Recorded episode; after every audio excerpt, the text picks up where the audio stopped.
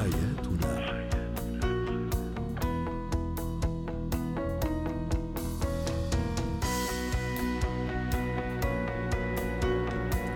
مستمعينا الكرام أهلا بكم معنا إلى برنامج حياتنا برنامجكم الذي يعنى بشؤون الأسرة وباقي الشؤون الحياتية الأخرى.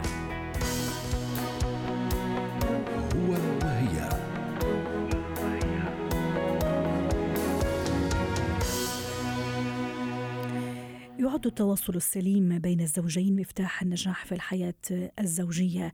نتحدث اليوم عن المشاكل الزوجية التي لا يناقشها الزوجان أو الشريكان إلا بعد فوات الأوان. للحديث عن هذا الموضوع تنضم إلينا عبر الهاتف من القاهرة دكتورة عزة حامد زيان استشارية العلاقات الزوجية والأسرية. مساء الخير دكتورة عزة. أحيانا في بعض الأمور بعض المشاكل بعض النقاط قد لا نناقشها إما لأنه نشوفها مش كثير ضرورية أو لأنه ربما نشعر بالحرج أنه حنا ننحرج أو الشريك أيضا ينحرج من خلال هذه المشاكل أو هذه الأسئلة. هل تعرفنا على أبرزها؟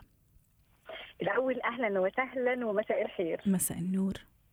تعالوا نتفق الأول على إن أي علاقة أسرية زوجية ناجحة بتعتمد أولا على إن الزوجين دول بيعرفوا يتناقشوا سوا يتكلموا سوا يفتحوا مواضيع كده من غير خناق. إنهم يتقبلوا بعض بآرائهم بأفكارهم بنقدهم لبعض بالحاجات اللي مضايقاهم من بعض. في حاجات حيوية مهمة لازم تتناقش وتتناقش كتير من فترة للتانية وخصوصا لو حسينا إنها بتسبب لنا مش مشكلة في التعامل بينا ما نستناش لما المشكلة تكبر وتجر وراها مشاكل أكبر وأكبر لحد ما يبقى جبل كبير من المشاكل اللي بتوصلنا للآخر للأسف للطلاق. أول مشكلة الحقيقة كان مفروض نتناقش فيها الحاجات الخاصة بالفلوس والكلام والمواضيع المتعلقة بالماديات وخصوصا فكرة الادخار إننا يعني كان لازم نشيل فلوس على جنب كان لازم نقعد مع بعض ونفكر أهدافنا إيه. نخطط لوضعنا المادي نحسب مصاريفنا نرشد استهلاكنا ندفع ديوننا نتناقش في أوجه صرفنا تاني حاجة كان المفروض نتناقش فيها كزوجين قبل فوات الأوان موضوع الثقة. يعني كان لازم الزوجين يقعدوا كده ويصارحوا بعض أول بأول. نعم. إيه اللي بيهز ثقتهم في بعض؟ إيه اللي بيقوي ثقتهم في بعض؟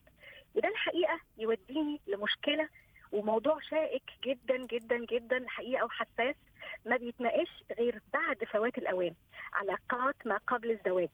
يعني سواء كانت العلاقات دي رسمية أو غير رسمية.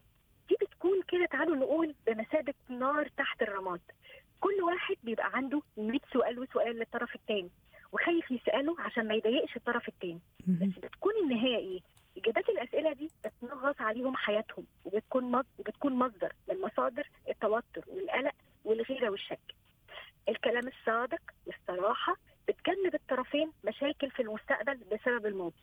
طيب وكيف التعامل المثالي في هذا الحالة دكتورة عزة لأنه مثلا في بعض الناس تقول لك خلاص أنا إذا كنت كان كنت مخطوب مثلا أو مخطوبة قبل قبل علاقتي الفعلية الآن مع شريكي ما في داعي إني أحكي على خطيبي وعلى أسباب انفصالي عن خطيبي والعكس صحيح بالنسبة للزوج شو شو هو أنسب شيء؟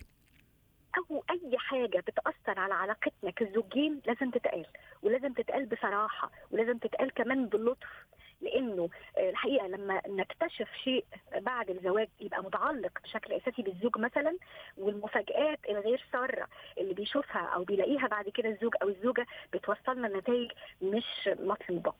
كمان عايزة أقول إن ثالث مشكلة عندنا المشكلة دي للأسف بتتناقش بعد فوات الأوان مشاكل العلاقة الحميمة.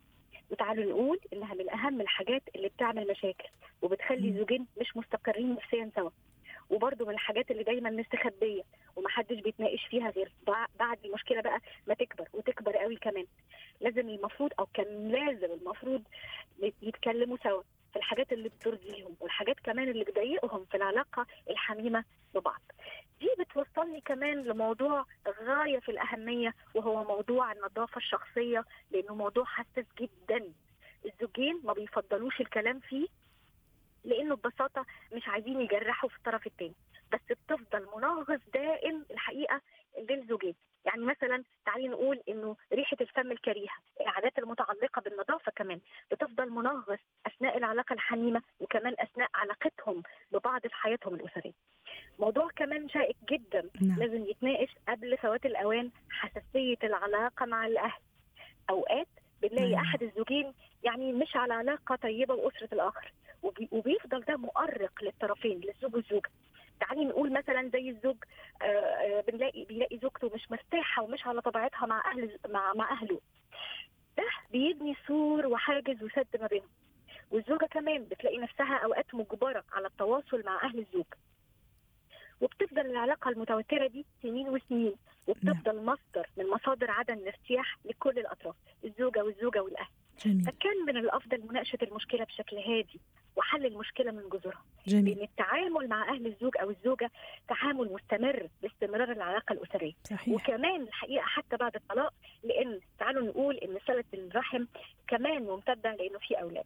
طيب وعلى ذكر الأولاد أيضا هل في نقاط مثلا أو أشياء لازم أناقشها أنا ب- بخصوص الأولاد ولازم تتناقش زي ما قلنا وهذا عنواننا اليوم قبل فوات الأوان؟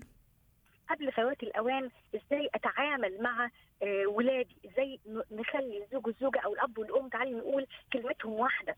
ما ينفعش إنه أب يقول آه، أوامر معينة أو نواهي معينة والأم تقول العكس.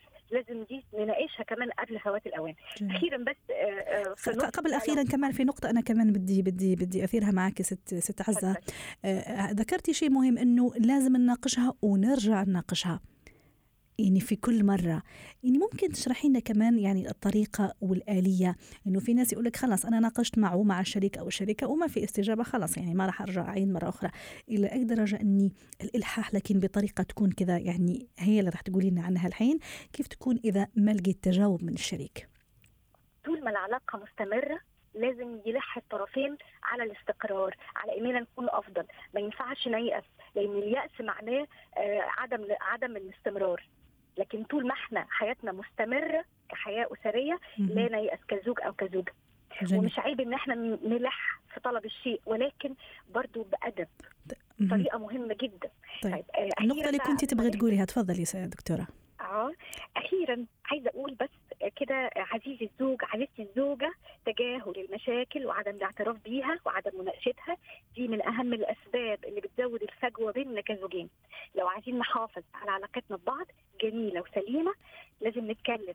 نتكلم بدون حساسية بدون خجل نفتح سوا المواضيع كل المواضيع. ولكن بصراحة بأدب بلطف بتلطف أخيرا بتمنى لكل زوجين حياة أسرية مستقرة سعيدة وبدون مشاكل. شكرا لك دكتورة عزة حامد زيان استشارية العلاقات الزوجية والأسرية ضيفتنا من القاهرة. حياة